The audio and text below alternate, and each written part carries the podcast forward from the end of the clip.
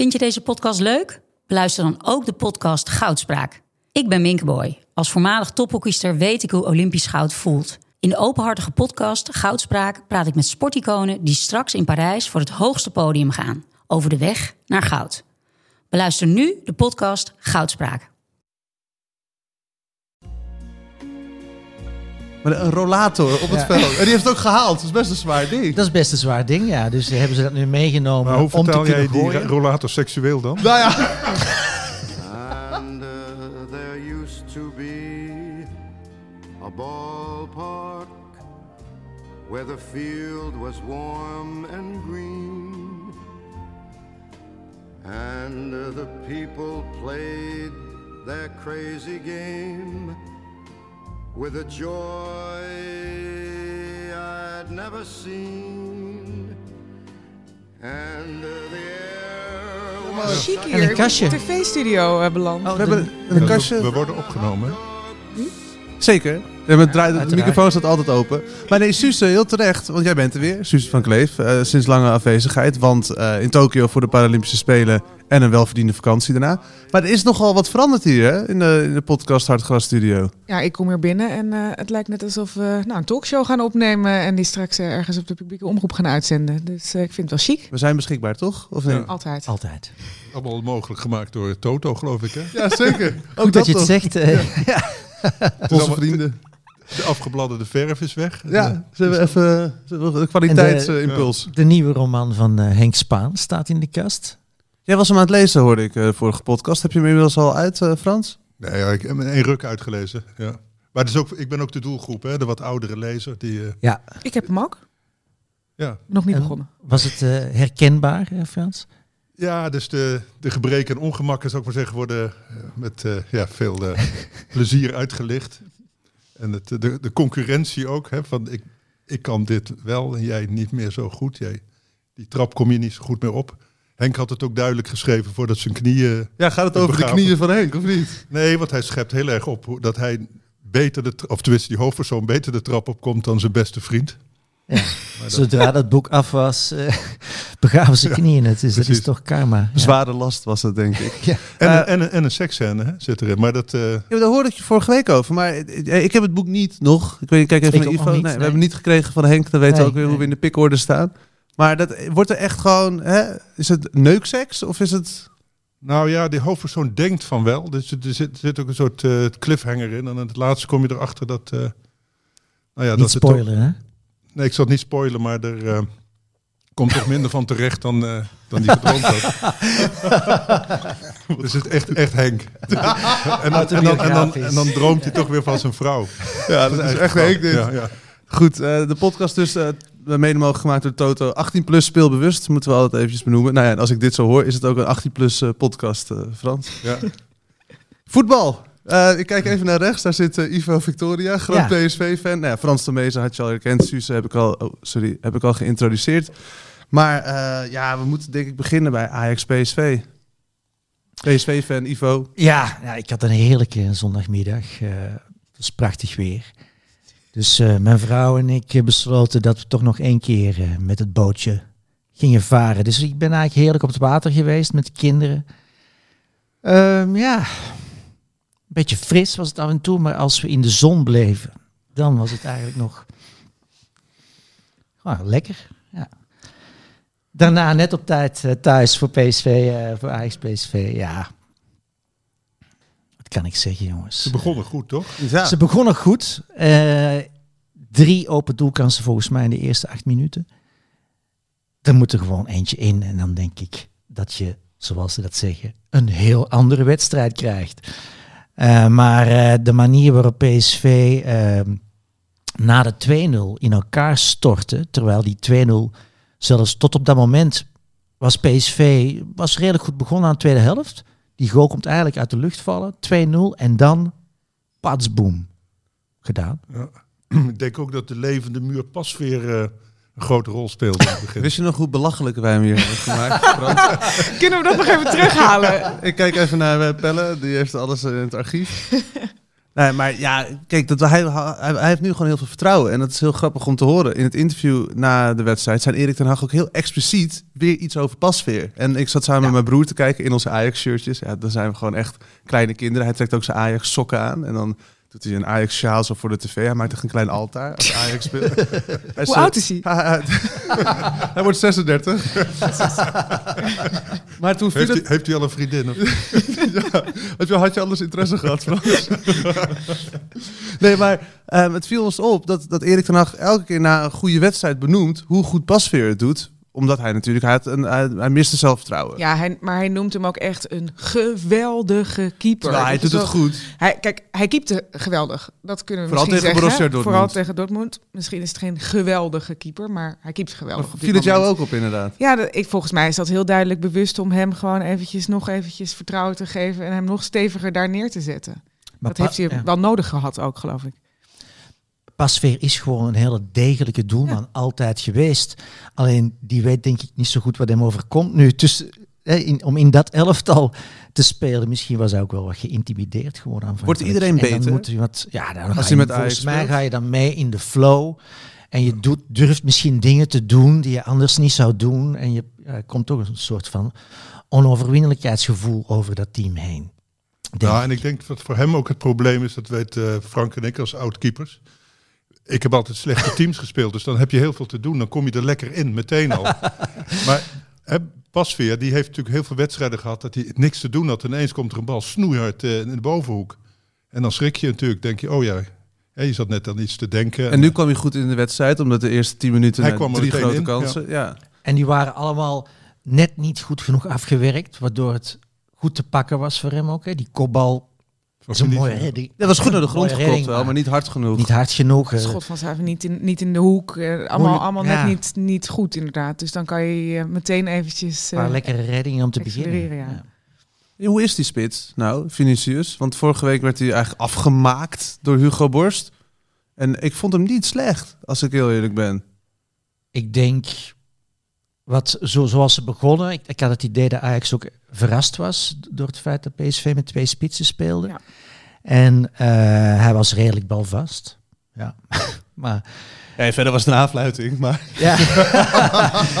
nee, maar ja, Niet, ook, Suze? ook dit- Ja, nou ja, ik weet niet. Als je 5-0 verliest en inderdaad drie, vier grote kansen mist als Timo in de eerste eh, kwartier, dan weet ik niet of je kan zeggen dat hij best goed speelde. Nou ja, de eerste 10 minuten speelde hij. Oké. Ja, verrassend. Omdat misschien waren mijn verwachtingen ook heel laag. Ik had hem nog niet zien spelen Ja, en ik ik wel geluisterd vorige week. Ik zet hem nog niet in het rijtje Romario Ronaldo, moet ik zeggen. Als, eh, grote, van de grote Brazilianen, nee.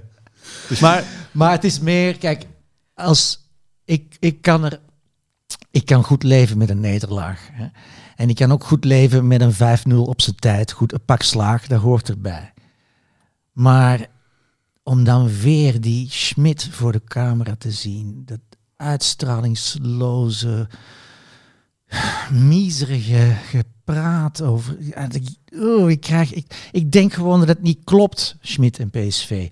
Zijn spelwijze klopt niet met de selectie die hij heeft. Er blijven de hele tijd dezelfde smoesjes. Dat eeuwige fit houden van de spelers. Dat ik denk van ja, hebben ze nog een baan Ja, en je kunt dan nog denken van, dan was vorig seizoen misschien een seizoen waarin je aan elkaar kunt wennen en aan dat eh, eh, relatiesysteem kunt wennen en dergelijke. Maar het, het is tien, tien wedstrijden zijn we nu onderweg en de helft van de mensen gelooft dan niet, niet meer in de titelkansen van PSV, toch? nee, je krijgt en dan kun je wel heel tijd bezig zijn over twee dagen eh, meer rust voor Ajax. Maar dat wil niet zeggen dat je in het ha- laatste half uur eh, moet instorten. dat je Ja. dan begeeft in de laatste vijf minuten. Dat kan ik dan accepteren. Maar ik las ook dat ze volgens mij 36% maar van hun duels wonnen bij PSV. Ja, dat is Ongelooflijk. zo laag, dus dan is er ook geen strijd of iets dergelijks.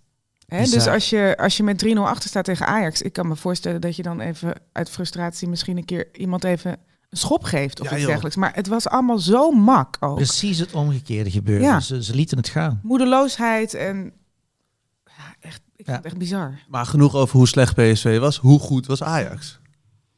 Ja, ik denk, want kijk, Ik heb dinsdag niet gezien, hè, want iedereen Ja, nee, na dinsdag eh, waren ze prima, denk Nee, ik. nee, maar, daar- nee, maar daardoor valt het een beetje niet bijna. Want iedereen Ja. zegt, maar dinsdag speelden ze echt goed. Ik, ik zat in Guatemala, dus ik had een go- goede Sure. geldige Ja. reden om Ajax te missen. Wel nog proberen te luisteren. Want op een gegeven moment hadden we ergens eh, wifi. En, Maar het, via, le- de, het leeft daar niet echt nog.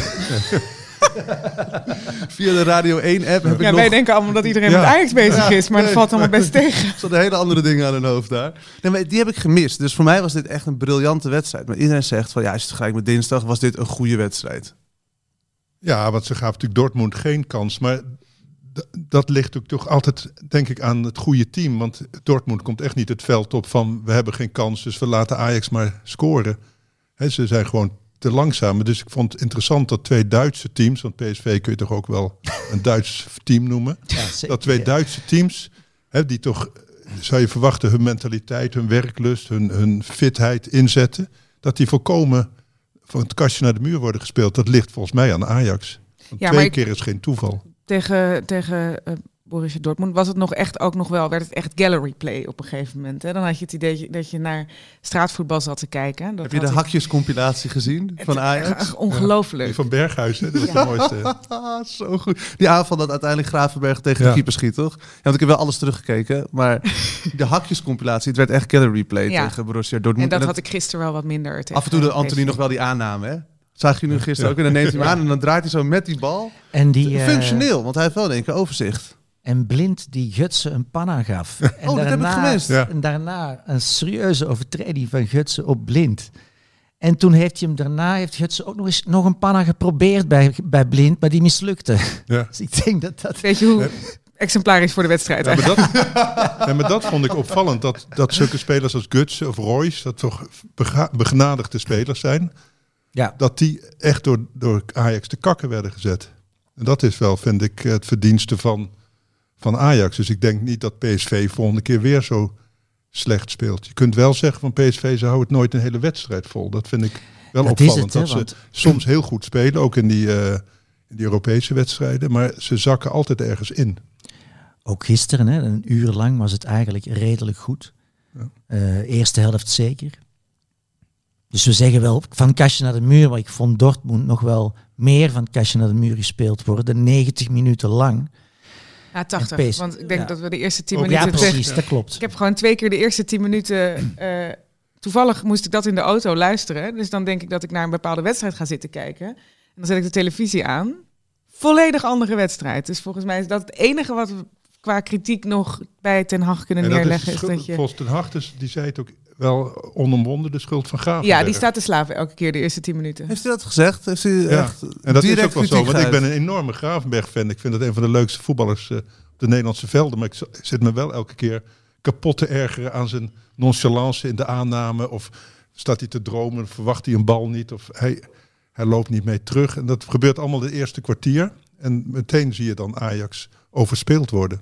Is hij dan zo belangrijk? Ja, Gravenberg. Dat als hij dat- er wel aan staat, dat het dan goed gaat. Maar volgens mij is ook De kracht van Ajax dat... iedereen meejaagt en verdedigt. En daarom ook elke keer zo hoog op het veld die bal verovert. Tegen te- zeker tegen Dortmund zag je dat heel veel.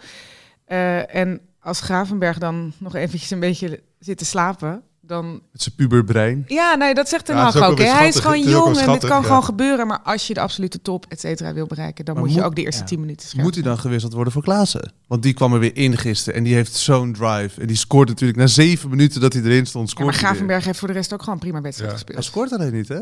Hij geeft heel veel voorassists. Ja, zo geef ik er ook nog wel een paar. Nee, ja, maar ik bedoel dat... Ja, en ik geef een voorassist op de voorassist. Nee, maar ik, ik denk dat dat heel belangrijk is bij Ajax. Zeker aan de linkerkant. Omdat Dus hij onderschept ook. Of geeft hij hem... hij geeft elke keer die bal voordat de kans eh, komt. Daar staat hij in de eredivisie op de eerste Oh, plek voor. Ja. En met Blind en Tadis en, eh, en hem, dat is een geweldige Ja, die linkerkant. Ja, Die dat- staan alle drie in de top 5, zag ik vandaag Dat bij dat VI. go- Dus dat zijn Die allemaal staan inderdaad... te goochelen daar. Dat is echt prachtig, Ja. vind ik. Ja. Want wat maakt dat dan Ajax want zo goed? Is er iets wat je eruit kan halen? De tandem Tadic Blind werd ook aangehaald op de NOS-site, zag ik overal voorbij komen. Maar is het met Gravenberg erbij?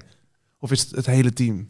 Want Ja. de- wat we zeiden, Anthony al, Aller. Nou, al die, al die combinaties werken zo goed. Het zo, hè, de, achterin De Tim- koppeltjes. Timber, eh, Martinez, Alvarez, eh, maar, maar ook Masraoui, Anthony.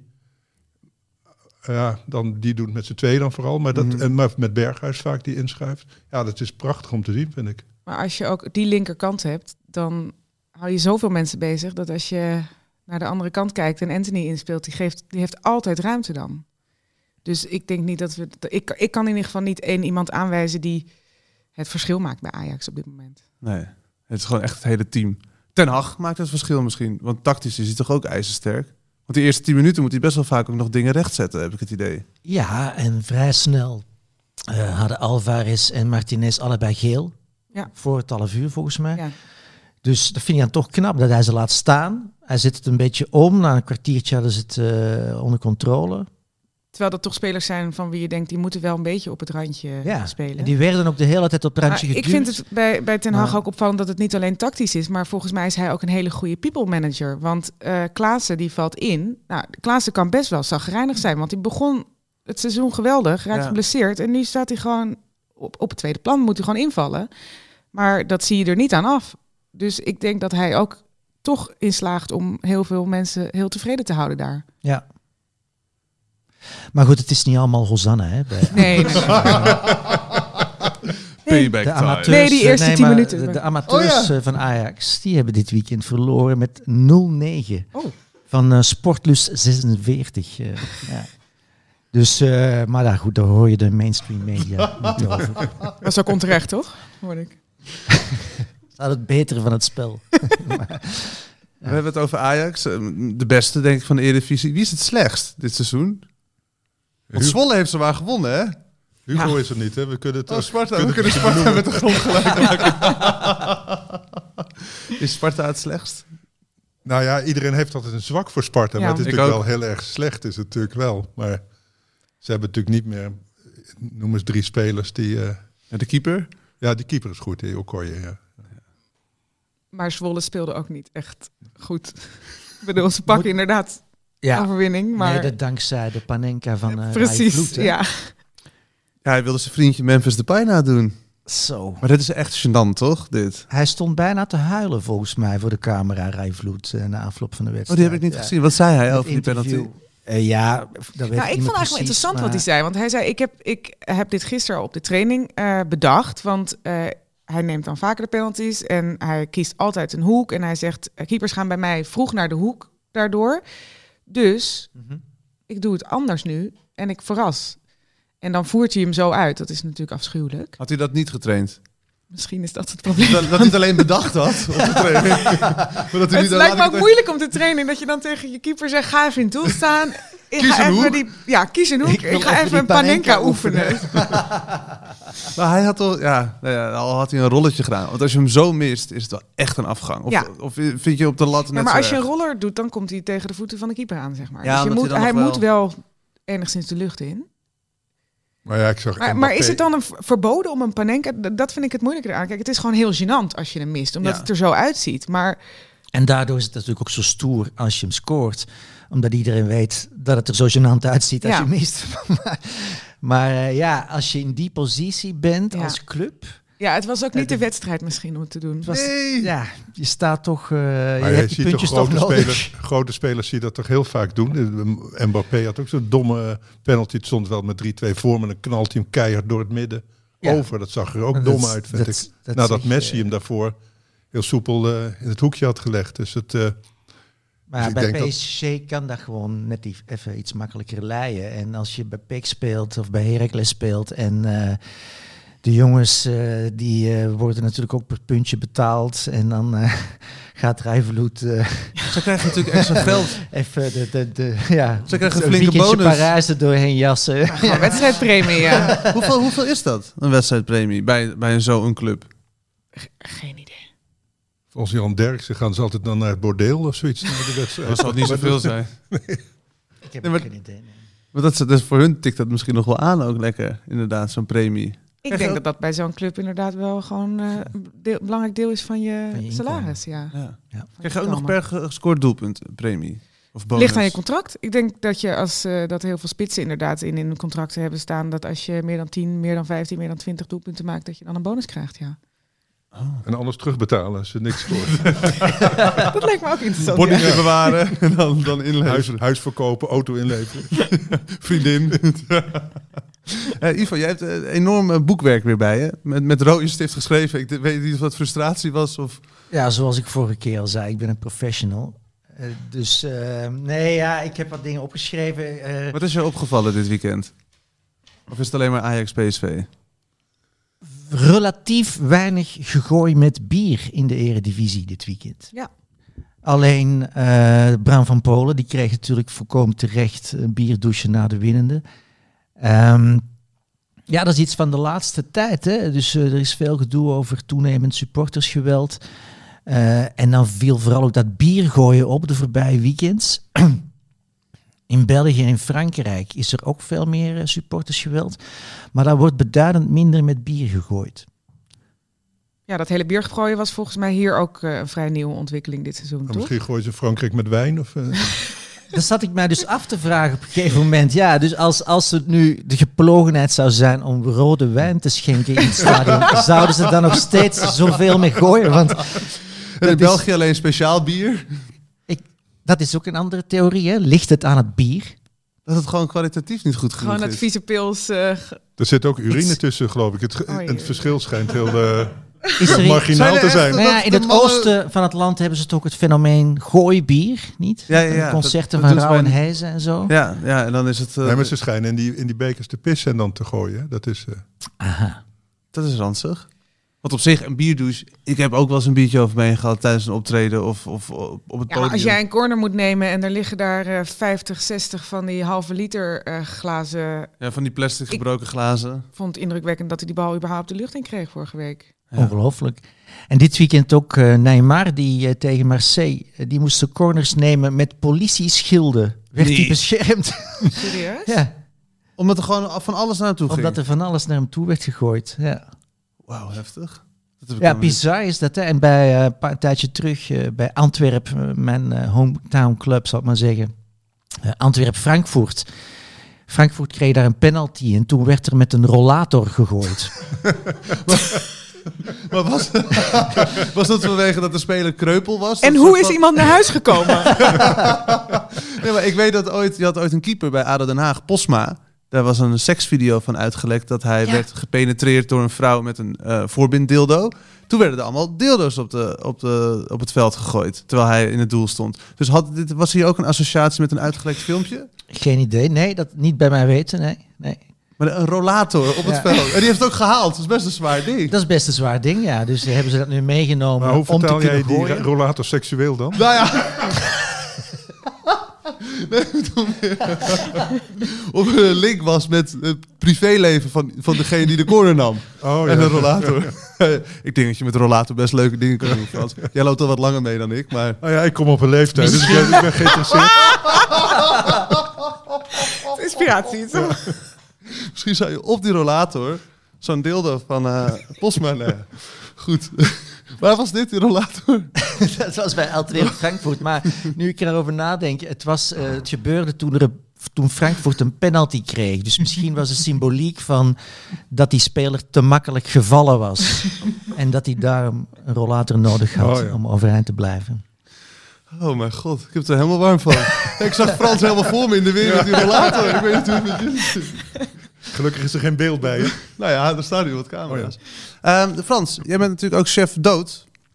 Ik heb niemand kunnen betreuren, maar ik was, zat dus ook aan de andere kant van de wereld. Dus misschien heb ik een, eh, dode voetballer of iemand... Nou ja, ik, ik, ik probeer het eh, serieus te, te, te nemen, deze eh, taak die ik gekregen heb. Maar, maar ik kon inderdaad ook niemand vinden. Maar ik dacht misschien Wim Jans is een beetje voorbarig. Maar het is natuurlijk, als je dement, dement wordt, is het natuurlijk een vorm van heen gaan.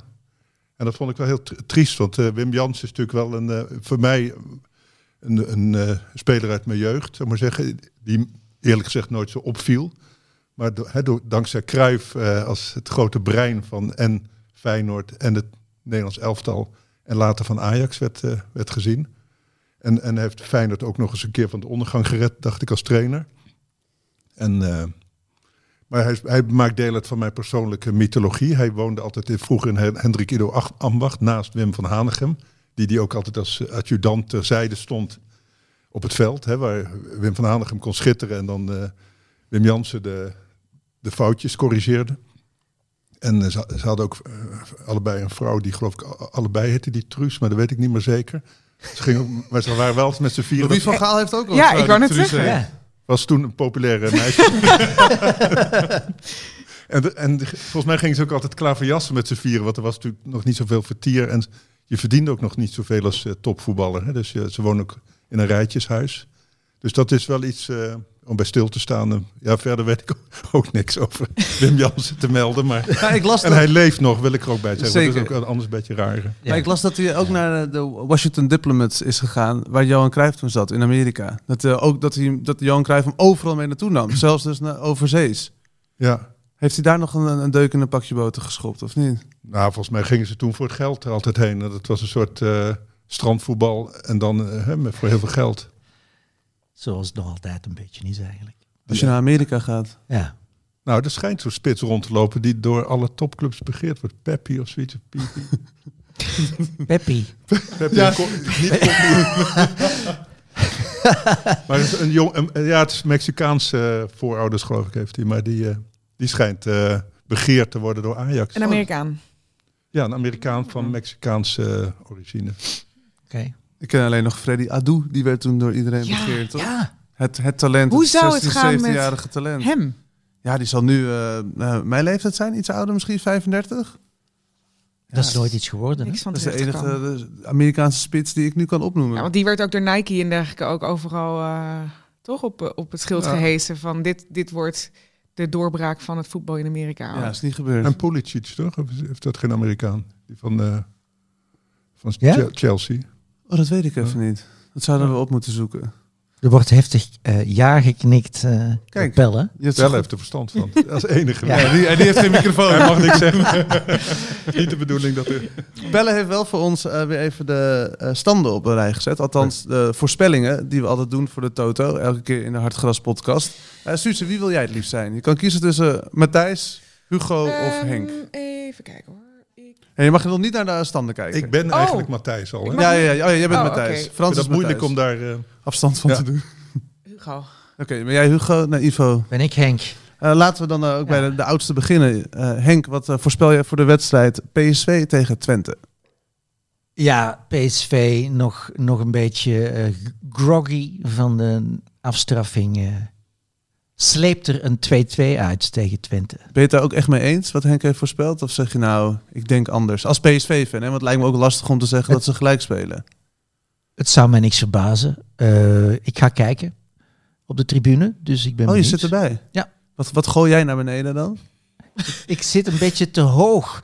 Ja, dat eh, maakt niet uit. Moet je iets tribune. zwaars Ja. meenemen? Maar dat is dus echt een probleem, want die hele biergooi-hype, Ja. die slaat dus ook over naar de hogere gedeeltes van de tribunes. En toen ik de laatste keer bij PSV in de tribune zat, toen werd er echt gevochten bij mij in het vak, omdat er mensen die te hoog zaten met bier gooiden. En die geraakten natuurlijk niet tot aan het veld, maar raakten dan... eh, En werd er geknokt in het keurige familievak waar jij zit. ja. Er waren mensen die erop vlogen omdat ze al voor de tweede keer een beker bier in hun nek kregen. En wat deed jij?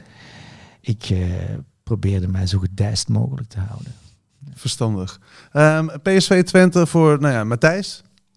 Ja, Matthijs zat heel voorzichtig. 2-1 voor PSV. Als ik er zelf iets mag toevoegen. Ik denk dat PSV zich wel gaat revan revancheren. Twente is sowieso eh, heel slecht bezig. Dus, eh, dus ik denk wel dat dat... eh, Hoe lang duurt het nog voordat... Niet eh, heel slecht bezig, toch? Twente.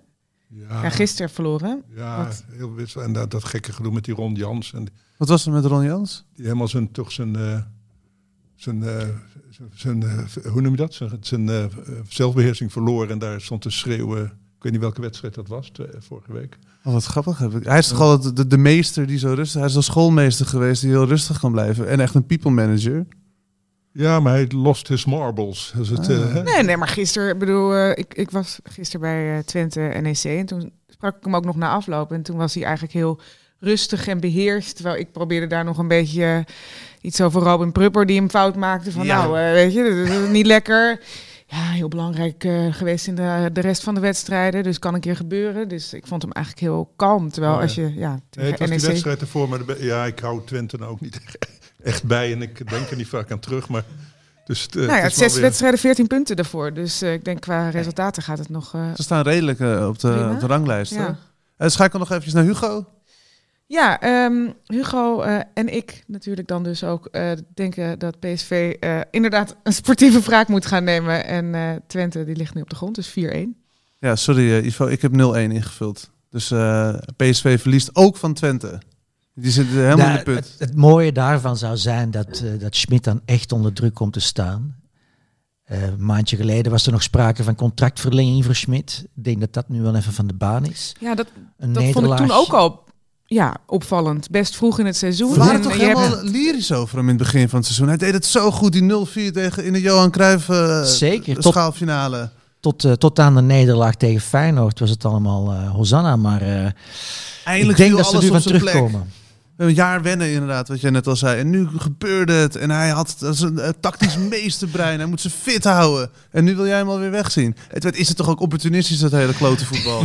Ja, absoluut. het is de ene week Hey, lekker laten zitten, die Schmid, toch? Ik zou hem zeker laten zitten, Frans. Wij brengen hem die rollator. Laat hem maar 50 jaar zitten daar. Goed pensioen van, van Philips, ja.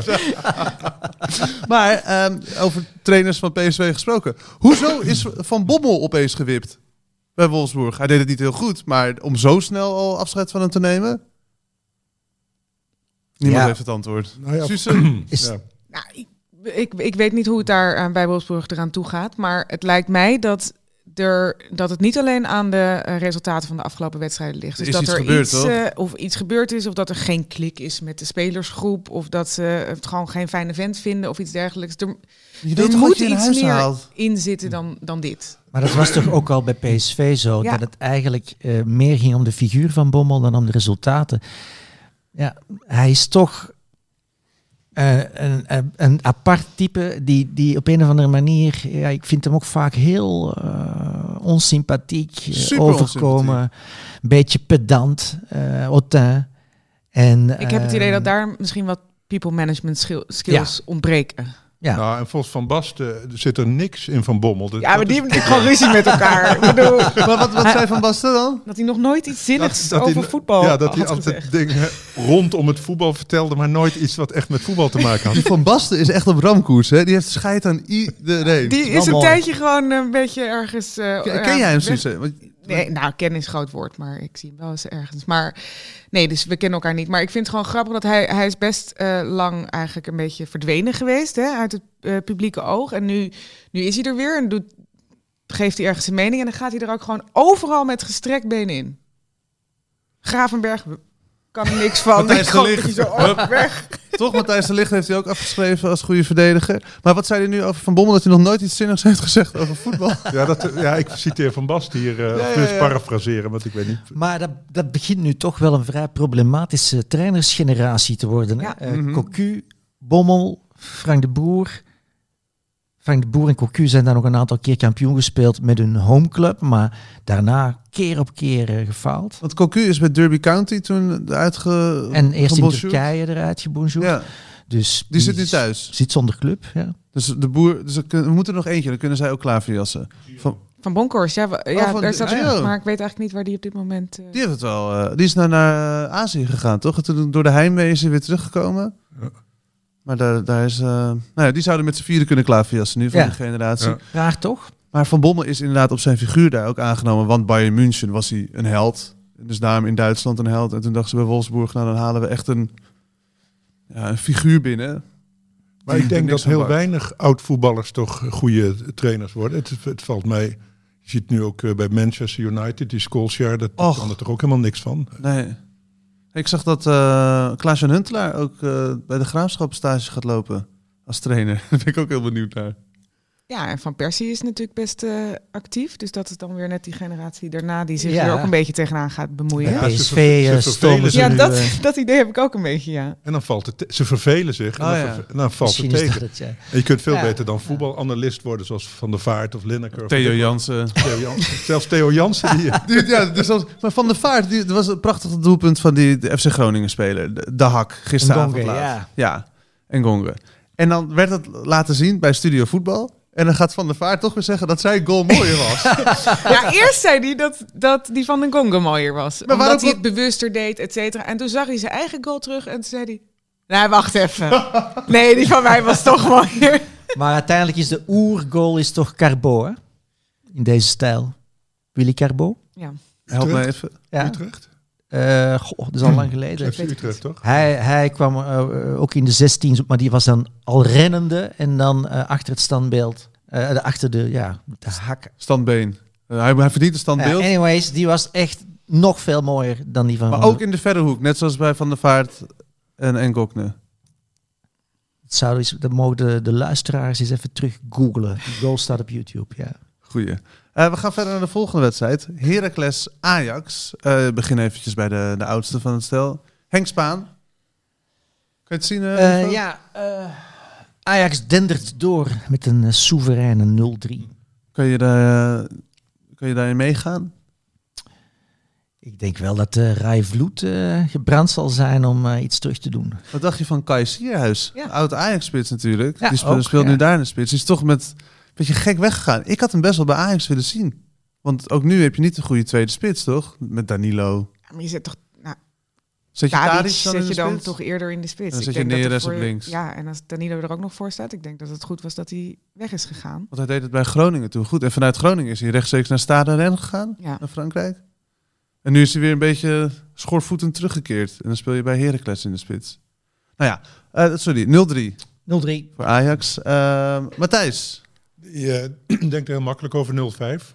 Oh, Hugo denkt dat eh, Ajax eh, die eerste 10 minuten die ze altijd een beetje loopt te slapen, eh 80 minuten vol gaat houden. En dat eh Haller er dan uiteindelijk toch nog eentje inprikt. 0-1. ja, Ler, wat een statistiek heeft die Ja, man. dat is echt niet normaal. Jij, maar je houdt wel van cijfers toch altijd, Suze? Ehm, nou, ik vind het wel interessant om dat soort dingen nog eventjes erachter te zien. Dus als ik dan ja, Ajax PSV zit te kijken en ik denk, waarom geeft niemand hier iemand een rotschop? En dan blijkt vervolgens dus dat ze al die duels dan ook hebben verloren. Dan denk ik, oh ja, dat is wel leuk om even... En wat vind je dan van die statistieken van Haller? Is het echt om je, je vingers bij af te likken? Ja, natuurlijk. Want assists ook nog eens heel veel, hè? Ja, maar niet het is alleen gewoon- doelpunten. Die man is gewoon zo goed ook als aanspeelpunt. En je ziet met wat voor gevoel die die assists ook in de 16 geeft. Maar Ja, schitterend. Een, een dikke maand geleden was Haller nog een spits van niks. Die kon niet mee in de de Champions League. mensen. Ja, kon niet mee. Maar dat bedoel ik, eh, dat hele klote voetbal is zo opportunistisch. Ehm, wat me trouwens opvalt, wat hij nu doet, voorheen kopte hij altijd door, of kopte hij terug. Hij neemt hem nu aan en legt hem dan af. En dat doet hij dan toch, het lijkt heel langzaam te gaan, maar hij doet het, nou, dat niveau is echt super hoog en super snel van het Eredivisie en Champions League voetbal. Maar dat is, heel goed. Het heeft nu al een paar keer of voor een assist gezorgd, of gisteren heb ik het hem ook weer een paar keer zien doen, waardoor er heel veel rust in het spel komt. Iedereen kan dan aansluiten. Dat heeft, zal dan iemand dat tegen hem gezegd hebben op de training? Ik denk dat ze hier wel op geoefend Is er een hebben. spitse, is er een spitse trainer Ja, ja. bij Ajax? Tuurlijk. Maar niet, maar, een- ik niet denk dat het, maar het ligt denk ik niet alleen aan, aan een spitsentrainer. Het ligt juist aan, aan eh, wat je afspreekt met elkaar. Dus dat terugleggen, dan moet je ook kunnen als er iemand altijd eh, aanspeelbaar is. Dus de klik tussen Haller en de mensen om hem heen. Bijvoorbeeld Die is ook- Berghuis. hè, ja, die is Ja. goed, die, die combinatie. ja. Ja. Nee, maar dat hij deed in het begin, deed hij het ook. Toen hij net bij Ajax zat, Haller, toen dacht ik ook, wat een verademing. Toen kon je hem altijd aanspelen en hij legde hem altijd mooi af hè, voor een inkomende middenvelder. Hij is natuurlijk een beetje ja, uit zijn doen geraakt. En ik denk ook dat dat te maken heeft, als ik even de huispsycholoog mag uithangen, Heel graag. dat hij, hij zat in Nederland tijdens die corona en zijn gezin zat in Engeland, in Londen. En hij, ik zag laatst een interview met hem in het Frans. Het is een heel ander mens. Het is een hele gezellige, natuurlijk Afrikaanse jongen die van gezelligheid houdt.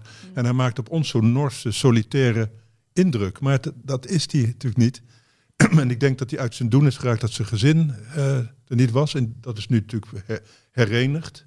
En ik denk dat dat een eh, grote rol speelt. Dat zag je ook bij Alvarez. Nou. Ook zo'n- Ook zo'n family man. Hè? Wereld van verschil. Ik zag gisteren, hij was jarig, Alvarez. Ik ben een heel groot fan van Alvarez, net als eh, Henk Spaan. Ik heb ook mijn Ajax-shirt meegenomen naar deze opname, omdat ik zo meteen doorrijd naar de Kalverstraat om hem te laten bedrukken. Met Alvarez 4 achterop. Maar hij was gisteren jarig en je zag hem ook, er was een filmpje, Ajax is er zo goed in qua social media, dat zijn dochtertje er was en die papa en dan ging ze gefeliciteerd. En het was nou zo zoet en je ziet echt aan hem dat hij is opgeleefd. Door, zij hebben heel lang toch elkaar niet kunnen zien. Zeg Ja. wel bijna het hele seizoen. Maar de doctrine van Cruijff is ook altijd geweest: zorg dat, je, dat die spelers van je snel trouwen, dat ze goed eh Trouwen daarom zijn. al die voetballers zo vroeg. Ja, en dan, dan gaan ze goed voetballen. Anders eh, zitten, zitten ze op vrijdagavond op het Rembrandtplein. eh, Dat was met name de doctrine van Kruise Vrouw, denk ik. hè? Ja. In Palladium zaten ze toch allemaal, daar op Leidseplein? Ja, vroeger had je bij Hartgras Teun de Winter. Die ging altijd op stap met eh, Wim, Wim Suurbier en Johnny Rep en zo. Ja, altijd die- vrijdagavond. En die schreef er ook over dan? Of die vertelde dat alleen aan jullie? Ja, daar weten wij alles van. Dat, eh, er werd, eh, wedstrijdvoorbereiding, dat, was, eh, dat gebeurde in, eh, in hotelbedden en dergelijke. Dus dat, ja, dat komt toen nog. Ja, wat heerlijk. Zo'n thema, hè? Dit eh, elke keer komt toch elke keer terug. Welke? Seksleven van whoever. Ik denk dat voetbal en seks veel met elkaar te maken hebben. Ja? Ja, ik denk, denk het wel. Het is natuurlijk eh, voor jongens. Ik, als ik naar mijn Jonge, oudste zoon- gezonde Als ik jongens. naar mijn oudste zoon kijk, die, die, die, die opwinding, die was ook bij eh, Ajax PSV. Ja, dat, dat is natuurlijk toch een soort eh, erotiek is dat. Hoe oud is jij zo? Eh, bijna 18. Dan zie je gewoon de hormonen en testosteron door dat lichaam heen gaan. Nou ja, het is natuurlijk een, een, een mannelijkheidscultus of een viriliteitstest of zoiets. Ze, ze, ze identificeren zich natuurlijk met die, met die gla- gladiatoren op het veld. En ze, ja, ze, ze beelden zich in hoe ze zelf zouden zijn. En ze, ze voelen zich... eh, Het viel me ook op hoe er gejuicht werd gisteren bij Ajax. Het was heel erg eh, een soort apenrotsjuichen. Dus heel hard met de borst tegen elkaar klappen. ja, dat doen die Braziliaantjes altijd, hè? Uh, Anthony Ja. en Nee, Neres. nee, nee, maar dat is een Ja, gezellig sprongetje. ja. Dan vallen ze alle twee. Maar ik ja. bedoel eigenlijk Haller en Tadic die een soort van... Ja, Ja. ja. dat doen. Zich helemaal breed maken bij ieder doelpunt. Nou, en Tadic het shirt uit, hè? En dan met... eh Ja, hij gaf hem weer. Beeldhouden lichaam. ja. afgetraind torso. eh. Oh, zag je ook die rug, jongen? En vol met spieren. Ja, maar dat, dat, is, dat is natuurlijk... Ja, dat, als dat geen seks is, dat is natuurlijk zo. Dat. Ja, voetbal is dan toch wel erotisch. En ik denk voor mannen gesublimeerde homoseksualiteit. Hè? Dus ik, eh, ik heb zeg maar zeggen, wel een soort jeugdliefde voor Marco van Basten gevoeld, bijvoorbeeld. Hè, dus dat is een, Vanwege zijn atletische lichaam. Ja, je kreeg toch een soort warm gevoel als ik ging naar, de, als ik naar het stadion ging. En die, de hele manier van bewegen enzovoort. Was het alleen fysiek of was het ook verering? ver- Ja, het hangt samen, maar dat, dat, dat deed ik bij meisjes ook. En het, eh, ze waren even onbereikbaar, dus het, eh, leek een beetje en toch een zoon, Frans. Het is toch gelukt. Maar ik was wel in dik in de veertig toen ik door dat, eh, dat kunstje geflikt moest worden. Wat goed. Eh, ik had eh, 1-6 wil ik eh, invullen voor Heracles Ajax. Omdat ik denk dat inderdaad de trein dendert ook door. Maar uh, Rai Vloed revancheert zich wel. Hopelijk met een gelukte Panenka. Panenka penalty. Ja. Absoluut. Ik denk dat Martinez hem onderuit schoffelt. Ehm, en dan eh, de laatste wedstrijd voor deze Toto-reeks. Dat is Sparta tegen Feyenoord. Ja, Henk zegt eh 1-2. ik hoop eigenlijk toch dat Sparta eh, deze wedstrijd wint. Want ik vind het echt een geweldige, eh, geweldig leuke club.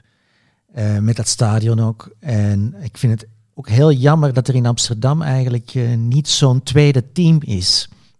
Dat was met zo'n toch? mooi stadion. Weet je Vroeger hebben we toch wel Amsterdamse ploegen gehad. FC Amsterdam en daarvoor DWS. Maar ja, dat was allemaal voor mijn tijd. Dus eh, dan zou ik wel gaan in Amsterdam. Dat zou ik tof vinden. Dat zou ik ook heel leuk Een vinden. klein clubje om naar te gaan. Ja. Gewoon wat makkelijke kaarten voor kan krijgen ook. In plaats van dat je... Ik vind AZ wel altijd een beetje een soort eh, kleiner Ajax. Ja, maar dat, dat stadion is ook zo eh, modern en dat is allemaal een beetje afgelikt. ik ben wel eens een paar keer naar AZ geweest, ja.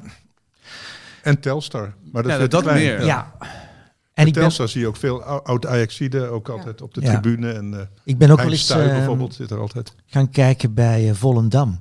Nou ja. Dus een Ja. bekerwedstrijd Volendam-PSV gaan kijken. Dat is wel een heel leuk stadion. ja, zeker. Ik ben Een ouderwetse geweest. kantine. En, eh, ja. Jan Smit hè, is echt een ambassadeur van Volendam. Die Ja. deelt altijd... Hij zit toch in het bestuur al? Nou ja, nieuw uitshirt. En dan deelt hij het voor het eerst op zijn Instagram. Ik volg hem op Instagram. Ik weet Ja. niet Bizar uitshirt is dat met dat paars en zo. Ja. hè? Ja. Maar wat, zit hij in het bestuur zelfs, zeg Maar jij? wel ja, want ik zag hem laatst eh, toen ehm, eh, met die regenbogenactie. Zat hij gewoon bij, stond hij bij ESPN Ja, Tel- naast het veld eh, te vertellen ja. eh, waarom de club dat deed en dergelijke. Dus dat, dan ben je meer dan een ambassadeur. Hmm. Dan ben je gewoon beleidsbepaler. Dan ga ik niet naar Volendam, eh, Ivo. Sla ik hem even over. Oké, goed. Zijn er eh, muzikanten in Nederland die een, een, een club heel erg steunen? Weten jullie dat? Want je hebt bijvoorbeeld in eh, Engeland heeft Ed Sheeran heeft een club gekocht, weet ik. Of, of is daar deels eigenaar van. En voetbal en muziek is altijd wel heel erg met elkaar verbonden. Je hebt ook heel vaak van die wedstrijden. Ik zag laatst ook een benefietwedstrijd waar veel Engelse muzikanten aan meededen. Ja, Guus Meeuwis en Ja, PSV. die zit altijd bij Ja. PSV. Of Theo Maassen, Frank Lammers, die, die zit er altijd. Ja. Frank Lammers weer in het filmpje van Maar die, PSV. jat, die jatten alleen eh, bekers, toch? Die Theo Ja. Maas, die draagt, Ja. weinig, eh, draagt weinig bij, geloof ik. Ik zal, ik zal er eens even induiken voor de volgende editie. is toch een beetje mijn afdeling. Eh, Feyenoord trouwens, voordat we verder gaan, die, doen het hartstikke goed. Het was dat die Brian Linsen, 1 1,50, die kopte weer eentje in. Het is zo knap.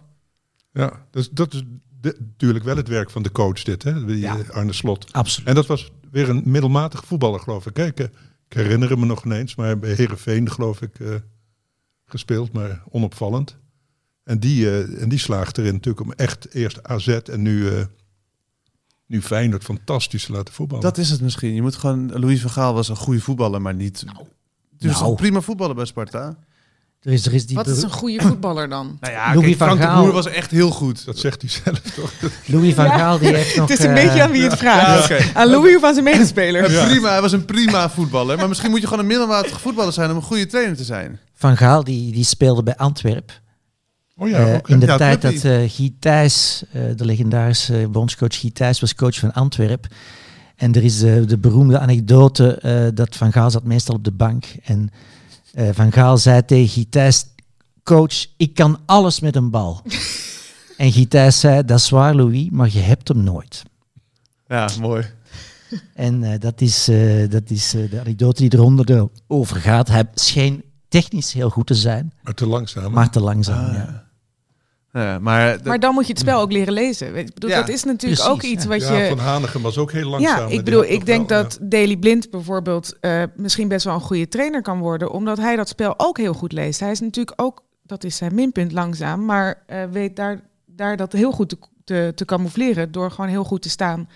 en heel slimme balletjes te geven. Ja. Constant. En hij ziet er intelligent uit. Ik weet niet of hij het is. Maar ik heb het idee dat hij ook kan ja, communiceren, wat misschien ook prettig is. Ja, ja, als een, Vond je niet, ik vond Daly er oud uitzien. Kan hem misschien ook aan zijn wijkende haargrens liggen. Maar oi, oi, oi, oi. En misschien met, met zijn hart heeft hij natuurlijk ook het een en ander gehad. Vond hem er wel oud uitzien.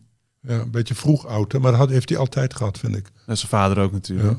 Ja. Sommige mensen worden ook een beetje, als ze echt zo afgetraind zijn, worden ze ook een beetje zo tanig. En dat heeft hij ook een beetje. En dan, dan zie je er snel misschien Ja. wat ouder uit. Maar briljant voetballer. Maar dus middelmatig voetballer, goede trainer zoals Arne Slot. Ik denk het wel, ook omdat je dan nog wat te bewijzen hebt. Ik denk dat er zo iemand als Van Basten, die alles heeft bereikt, is alles natuurlijk tweede, tweedehands. Wat Lijkt je me nog- ook ingewikkeld dat je dan alles moet uitleggen aan Domme mensen. sukkels. Ja. Eigenlijk. Ja, nee, maar uh, voor Oh, Van Basten, dat is toch heel frustrerend. Hoe was dat voor, voor, Cruijff dan?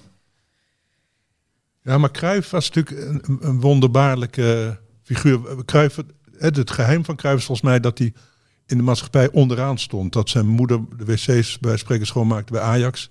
En hij heeft altijd aandacht gehad voor, voor, voor alles en iedereen. Dat omdat zijn moeder niet gezien werd, dacht hij, Mhm. ik zal ze allemaal zien. Het werd ook gezegd, als hij bij de NOS kwam, ging hij de cameraman een hand geven en zo. En de- zo- Ja, zo- ja, ja. Dus hij, is- hij heeft altijd iedereen gezien. Ik Hij denk voelde zich niet verheven boven wat een Van Basten misschien wel heeft, toch? En Van dan- Basten is en, en, en een eenling. Hè? Van, ik kan een mooie anekdote over Van Basten. Toen hij geblesseerd was, was hij ook vaak alleen. Dan ging hij s'nachts racen in een van die dure auto's die ze dan hebben. Over de autobanen in Duitsland. Hè? Omdat Ja. hij zich verveelde, ging hij s'nachts heel hard rijden daar. Ze hebben natuurlijk die adrenaline kick nodig. En, en dat, en, maar ja, er is natuurlijk geen lol aan om dat in je eentje te doen. maar hij dat, 200 Cruijff over had die altijd Wim. Jansen naast zich. Cruijff is volgens mij een heel gezellig, eh, sociaal iemand altijd geweest. Ja. En dat is, dat is natuurlijk zijn. eh, dat is ook de reden, denk ik, dat hij zo geliefd is. Hè, dus, terwijl die andere mensen, zijn natuurlijk mensen die ook vreselijke verhalen over hem hebben, zoals David Enti, hè, door hem eruit gegooid is op een Mhm. rot manier. Henk is ook altijd heel negatief. Henk heeft ook een keer Piet Keizer aan de deur gehad, s'nachts. Omdat niemand, Onze mocht, Henk Spaan? omdat niemand mocht dat zien, maar Piet moest eh, toch kwijt dat het helemaal misging met die kruifrevolutie. Dat het, eh, die had wat eh, geheime informatie voor Henk. Oh, wauw. Wauw. Maar dat zal ooit onthuld worden in Henks zijn eh, memoires. Ja, ja.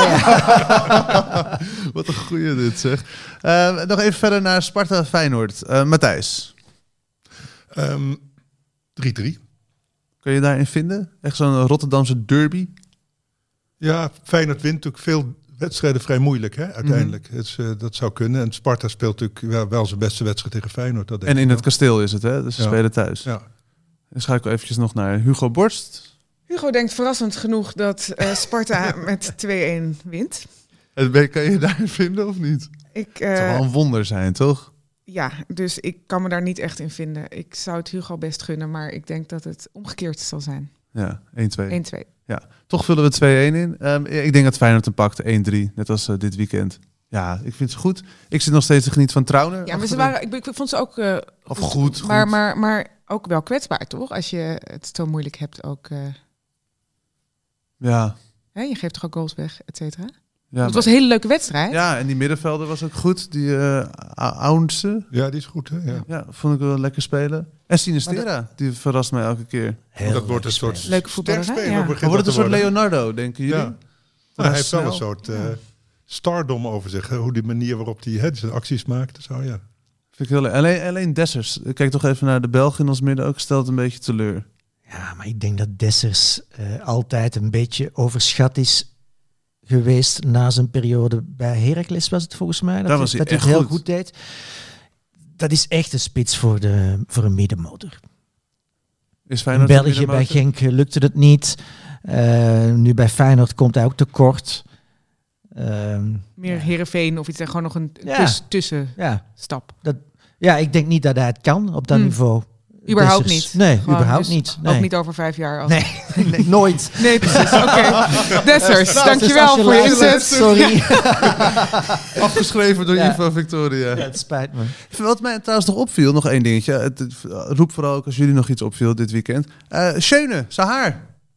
Ja, het is behoorlijk Niet wit. gezien. Niet gezien? Ja, ik, ik vind toch altijd het uiterlijk vertoon. Ik heb- kijk namelijk ook heel erg uit naar de film over Zlatan. Die komt volgens mij Oh, deze ja. week uit. Of, of begin volgende week. Ja.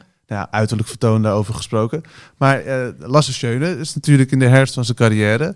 Lijkt misschien een kleine eh, voetbal midlife crisis te Ja, hebben. ja, ik vond hem gisteren ook eh, Want? moeizaam. Hoe Nou, ziet het eruit? Nou, hij heeft zijn haar geblondeerd. Net zoals Anthony en net zoals nou, Neres Oh. ook wel eens heeft gehad en zo. En dat, het voelde toch een beetje gek. Alsof je vader meegaat naar een heel hip feestje. dat je denkt, hey shit. hier- Lasse, als je luistert. Nee, want ik ben dol op Lasse Schöne. Ik heb, ik heb hem wel eens op feestjes gezien. Ja, zat, zat, was ik bij de MTV eh, eh, Awards in, hier in Amsterdam ergens. Liep hij er opeens rond.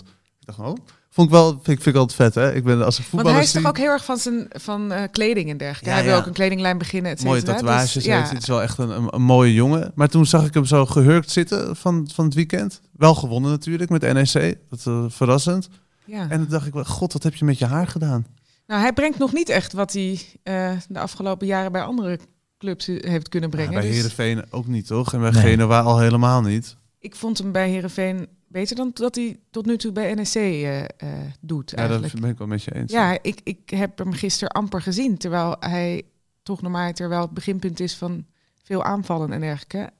Scoort, assist, hij heeft nog helemaal, dat heeft hij nog allemaal niet. Dus misschien probeert hij dat op een andere manier te, ja, te compenseren Door eigenlijk. zijn haar te blonderen. Is jullie nog iets opgevallen dit weekend dat je even wilde benoemen? Zo aan het einde van deze podcast. Kijk nog even in het boekje. Ja, even... Sla nog even een bladzijde om. Ja, ehm.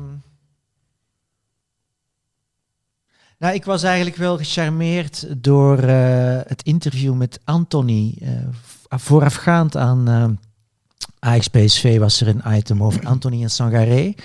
Eh, en eh, Anthony die heeft dus, zo- er is zo'n meisje in Brazilië, een kindje dat kanker heeft.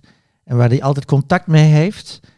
En ehm, de manier waarop hij daarover vertelde, hij komt natuurlijk ook niet uit de best, best mogelijke situatie. Dat, dat stelde, dat, dat schonk mij terug weer wat geloof, zal ik maar zeggen, in dat er niet alleen eh eh, ijdele en eh, verwaande profvoetballers eh, rondlopen, maar ook nog jongens die gewoon eh, het hart op de goede plek hebben staan. En eh, ja, het was mooi. Mooi om hem zo te heel rustig daarover te horen vertellen. Wat menselijkheid Ja, achter die voetbalmachines. Zonder veel vertoon verder, zonder te zeggen van ik ben ook nog met een goed doel Nee, bezig. Want die houding hè, krijgt. Het was Ja. echt lief en Ja. oprecht. Eh, ja, mooi. Wat word je toch jong volwassen als voetballer? Zo. Holy shit. Ja. Je, moet- je moet zo snel, je moet, nou, wat je al zei over dat je snel trouwt, snel kinderen krijgt en dan ook al hier weer zo mee bezig bent. Die jongen is ook twintig, toch? Of, of niet eens? En, ja, en dus eh, is het ook niet zo verbazingwekkend dat bijvoorbeeld iemand als Iataren Ja. daar Ja, die is- totaal niet mee eh, overweg kan Is blijven. hij al hè? boven water? Hij Hij was toch Nee. verdwenen? Nee? In Utrecht zit hij gewoon, denk ik. Toch? Hij, Gewoon thuis. thuis. ja. Maar, maar dan zou die toch ook wel misschien gesignaleerd zijn? Of zit hij echt gewoon binnen?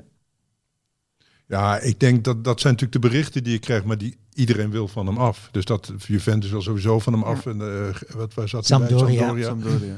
Die willen natuurlijk van hem af en die creëren natuurlijk een, eh, een casus belli om, om hem eruit te kunnen schoppen, de contract te kunnen verscheuren. En ze hopen natuurlijk dat Mino Raiola zegt, eh, ik, neem, ik neem deze winkeldochter wel weer mee en ik stal hem wel ergens anders. Dat is natuurlijk gewoon een contractding. Ze- Wat een treurnis. Niemand Ja. wil Ja. natuurlijk dat hij ooit op het veld staat daar. Ongelooflijk. Wat moet er dan met hem gebeuren? Ik, ja. We zouden eigenlijk eerst moeten weten wat er in, in godsnaam met hem aan de hand is. Hè? Want het lijkt me vooral een mentaal probleem. Ik vind ook wel dat hij een beetje overschat is geweest in het begin eh, van zijn carrière. Want eh, al bij al eh, was hij aardig gedebuteerd bij PSV. Was niet zo heel vaak beslissend, maar had natuurlijk prachtige acties. Maar ik herinner mij dat ik eh, op de tribune zat toen eh, Van Bommel ontslagen was. En Dwight Lodewegen ze tijdelijk overnam. En toen moest uh, Iataren op de flank spelen. Onder bobbel mocht hij altijd op 10. Moest hij op de flank spelen. Dat was tegen Feyenoord. Een van de laatste wedstrijden met publiek voor corona. En, sorry. en iedere keer wanneer hij de bal niet kreeg, of wanneer het spel zich aan de andere kant van het veld afspeelde, dan schokte Iataren zo voor ons langs. Met uh, gebaartjes, met uh, roepen, omdat hij de bal niet kreeg. Uh, dan wegkijken, niet mee verdedigen. En ik dacht toen al van, er zit, er zit iets helemaal verkeerd bij die jongen. Is dat zijn entourage? Is dat, ik weet niet wat, zijn vader generatie. nog steeds. Hè, de nasleep van het overlijden van zijn vader, die blijkbaar toch degene was die die hele familie Ja. uh, bij elkaar uh, hield. Maar dat, Maar, dat is eh, natuurlijk ja. gedrag wat je vaker ziet van hele jonge jongens. Want hij was dan 17 eh, of iets dergelijks op dat moment. Hè. Ja. Dat vergeten we ook nog wel eens dat hij echt nog steeds eigenlijk heel jong is. Maar ik vind het gewoon een beetje treurig om te zien dat, dat hij dan daar niet overheen komt. En niet En- meer aanhaakt. En dan, dan op een gegeven moment ja, hoor je allemaal rare verhalen over rare vrienden en mensen om hem heen en dergelijke. En het is gewoon akelig deze, dat- dat hij nu gewoon... Maar Her had je Vermist het ook een En- beetje. Hè? Maar Her was natuurlijk ook superster bij AZ. En toen wou iedereen hem hebben. Die was iets ouder op dat moment, toen Ja, maar hij naar PSV ook, ging. eh, met, ook met de dure auto's en rotzooi en het gedoe. En die is nu, ja, nu is het een, een bikkelaar op het middenveld. Ja. geworden. Prima voetballer, ja. Ja. Maar ja, Iataren staat nu al bijna twee jaar Ja. stil in zijn Ja. ontwikkelingen. Dat mogen we ook niet vergeten. Maar is het niet, want jij zegt een mentaal probleem. Eh, Noah Lang is een soort van uit de kast gekomen ook dit weekend dat hij eh, psychische hulp krijgt. En dat hij, dat hij met een psycholoog praat en dat hij beter wil worden. Want die heeft natuurlijk ook een potje van gemaakt bij Ajax. Hij is nu supergoed terecht. Maar heeft hij er echt een potje van gemaakt? ook maniertjes. Volgens ook- mij niet. Hij heeft toch niet zoveel Ja, maniertjes, maar- Ja, maar ook wel... Nou ja, potje is misschien een groot woord, maar hij heeft het niet waar kunnen maken. En hij was wel vaak eh, geagiteerd, had ik het idee. Als hij weer niet speelde of als hij de bal niet kreeg. Of, Of een grote mond tegen Tadic. Dat, Dat is het einde volgens mij, ja. Ja. Ik zat toevallig in het stadion. Ja. Dat was bij, eh, bij Telstar was dat. En die hoorde Ten Hag, dat hoorde je door het hele stadion galmen. En je luistert naar hem. want daar is, die, Ja. die riep... eh, Tadic riep iets en toen maakte hij een wegwerpgebaar. En en toen toen, ten Hag, bam! die doet dat nooit. Maar keihard en helemaal naar de andere kant van het veld. Van ja, je- dat je verwende, maar dat is de verwende generatie dan toch? Dat merk je toch niet alleen in het voetbal, dat merk je toch ook... eh, eh, Je klinkt mij- echt alsof je 60 bent. nou ja, soms voel ik me Waarom ook is, wel zo. dat, waarom is dat een verwende generatie? Ja, dat, ik merk het ook wel bij waar, waar ik werk hoor. Dat je binnenkomt en dat je dan niet gewend bent om hard te werken. ja? Als stagiaires van 18, 19 of, of jonge mensen. Oh, maar dat had ik ook al. Dat is gewoon gedrag. Dat is gewoon leeftijd. 20-jarige gedrag. Nee, maar dat... Wer- werk is voor de dommen, zeiden we altijd. Ja, 20-jarigen met talent gedragen zich over het algemeen misschien Goed, zo. dan sluiten we nu af maar met het hele werken. Nee, maar dat vond ik mooi. Vond ik goed. Dat lang dat, dat Ik vond ook mooi, openbaar in een interview met de NOS vertelt hij daarover. En ik hoop Ja. dat, dat een Iatare zich daar dan kan, aan kan optrekken. Laten we hopen, ja. En iedereen Maar het is natuurlijk wel zo, er zijn best veel spelers die mislukken. Dat vergeet je gewoon. Ja. Ja. Absoluut. Ook in, in, in andere landen. Dus de, de- de- om er te komen is wel meer voor. Ik zie het bij schrijvers ook. Ik bedoel, de mensen die een keer goed eh, boek schrijven. Dat wil nog niet zeggen dat je je hele leven daarmee kunt. eh, ja, soms zie je bijvoorbeeld foto's van, van Nederlands elftal onder 19 of iets dergelijks van 5, Ja. 6 jaar geleden. En dan denk je, Ja. Ik ken de helft van die spelers nou ja. Roy, Ja. Roy stond Drenthe. En dan ben je was, dus de eh, beste van je generatie. Nou, die heeft nog Madrid tot Madrid geschopt. Heb je Ja. dat boek wel eens gelezen van Royston Drenthe? En uit Madrid weer ook geschopt. Hè, trouwens. Dat is een goed boek. Een leestip zo op het Ja, einde ja. nog. Het is een goed boek. Het is een vermakelijk boek, laat ik het zo zeggen. Ehm, ja, laten we een einde maken, jongens. Dank jullie wel. Ehm, we moeten nog even roepen dat eh, dit wordt mede mogelijk wordt gemaakt. Door, Door eh, To- Toto en, eh, en, en door Henk Spaan, die eh, een nieuw boek uit heeft. Oh ja. Ja. En natuurlijk door Hartgras. Henk is de geheime, eh, de onzichtbare hand van Henk is altijd eh, boven de tafel. Is het een sugar daddy? zeg ik? Nou ja, Henk is wel de godvader van, natuurlijk van eh Hartgas. Absoluut. Mooi einde, Frans. Ja. Ook een soort necrologie eigenlijk. Yes, there used to be a ballpark